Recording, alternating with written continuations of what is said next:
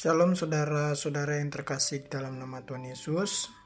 Baik pada hari ini kita akan belajar lagi tentang firman Allah yang terambil dalam 1 Tesalonika 5 ayat 18.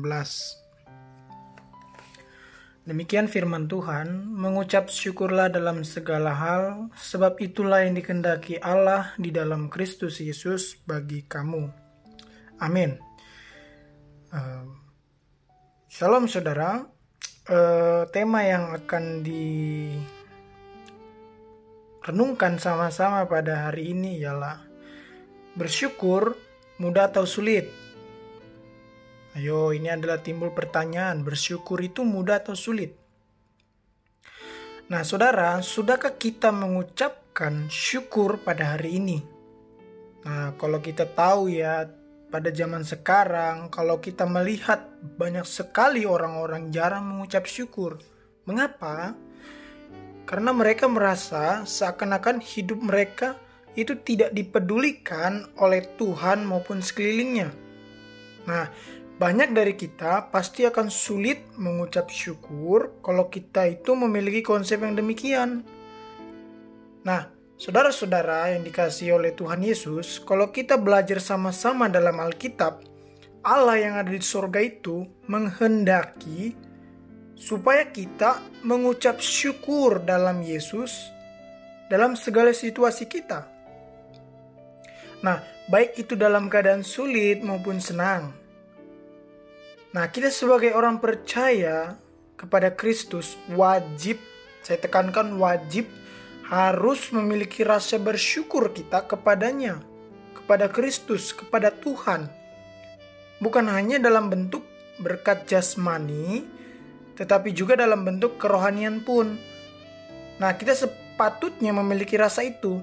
Nah, berkat rohani yang Yesus berikan itu jauh lebih besar daripada apa pun itu, yaitu keselamatan jiwa yang Tuhan sudah sediakan bagi kita orang percaya. Nah, memang sering kali ya saudara, kita sudah bosan ya mendengarkan kata bersyukur dalam hidup kita. Kemudian ada yang berbicara, ayo kamu bersyukur, bersyukur. Seakan-akan hal itu mudah sekali dilakukan.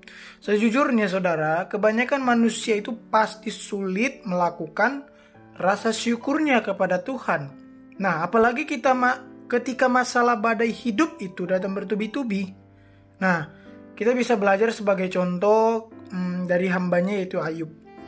Nah, pasti di antara kita semua saudara, kita sudah mengenal siapa itu Ayub. Ayub adalah orang yang paling jujur dan sangat saleh didapati oleh Tuhan.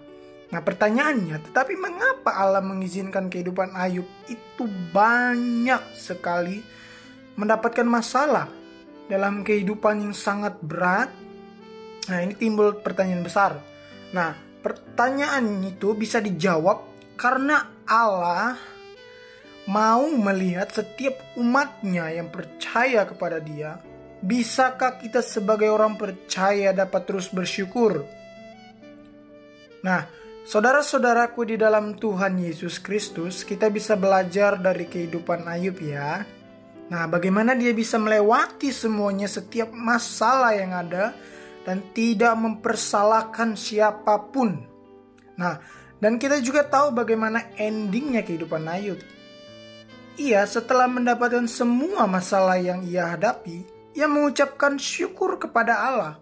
Itu bisa kita lihat dalam Ayub 1 pas uh, ayat 20 sampai 21. Nah, dan pada akhirnya Ayub pun kalau kita bisa lihat sama-sama pada akhir pasal itu sangat diberkati Tuhan kehidupannya dengan sangat limpah. Nah, halo saudara, hmm, bagaimana dengan kehidupan kita, kehidupanmu, dan semua kita yang percaya akan namanya? Sudahkah kita belajar berkata syukur kepada Allah? Aku bersyukur Tuhan pada hari ini Engkau masih memberikan aku napas kehidupan. Aku bersyukur buat kejadian peristiwa-peristiwa yang ada. Aku bersyukur kepada Engkau ya Tuhan. Nah, ketika Tuhan mengizinkan hal-hal yang uh, datang masalah dalam kehidupan kita, percayalah persoalan yang kita hadapi itu tidak melebihi kekuatan kita. Amin.